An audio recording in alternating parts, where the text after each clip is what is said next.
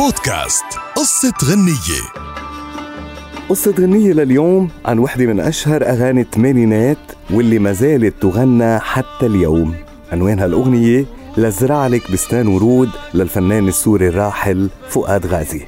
القصة بدت مع اختيار فؤاد غازي للمشاركة بفيلم حارة العناتر بدور مطرب عم بشق طريقه نحو الشهرة إلى جانب أبطال الفيلم ناجي جبر أبو عنتر وياسين بقوش اللي هو ياسينو والجميلة ناهد الحلبي اللي لعبت دور البطولة النسائية واللي بتعيش قصة حب مع المطرب الصاعد وبتدعمه.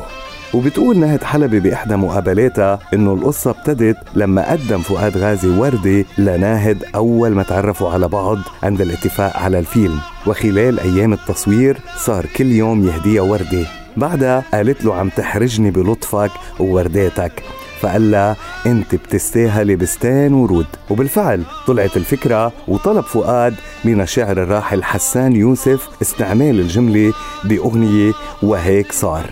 ويقال بأنه الأغنية كتبت من قبل الشاعر الراحل حسان يوسف لبنته كيندا ولحنها أكيد العملاق عبد الفتاح سكر الملحن اللي أطلق أبرز الأصوات الغنائية بسوريا مثل فهد بلان وغيره.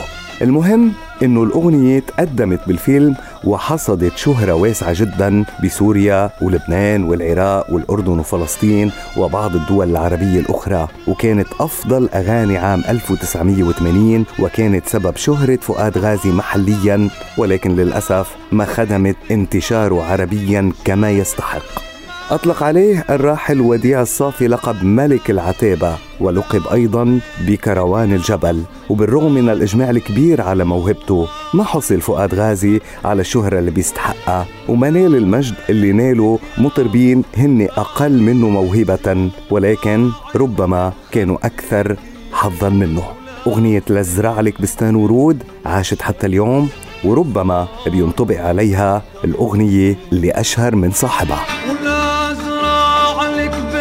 بستان ورود وشجرة صغيرة تفيكي ونغزلك من نور الشمس سوارة وحطة بيديكي سوارة وحطة بيديكي. بودكاست قصة غنية.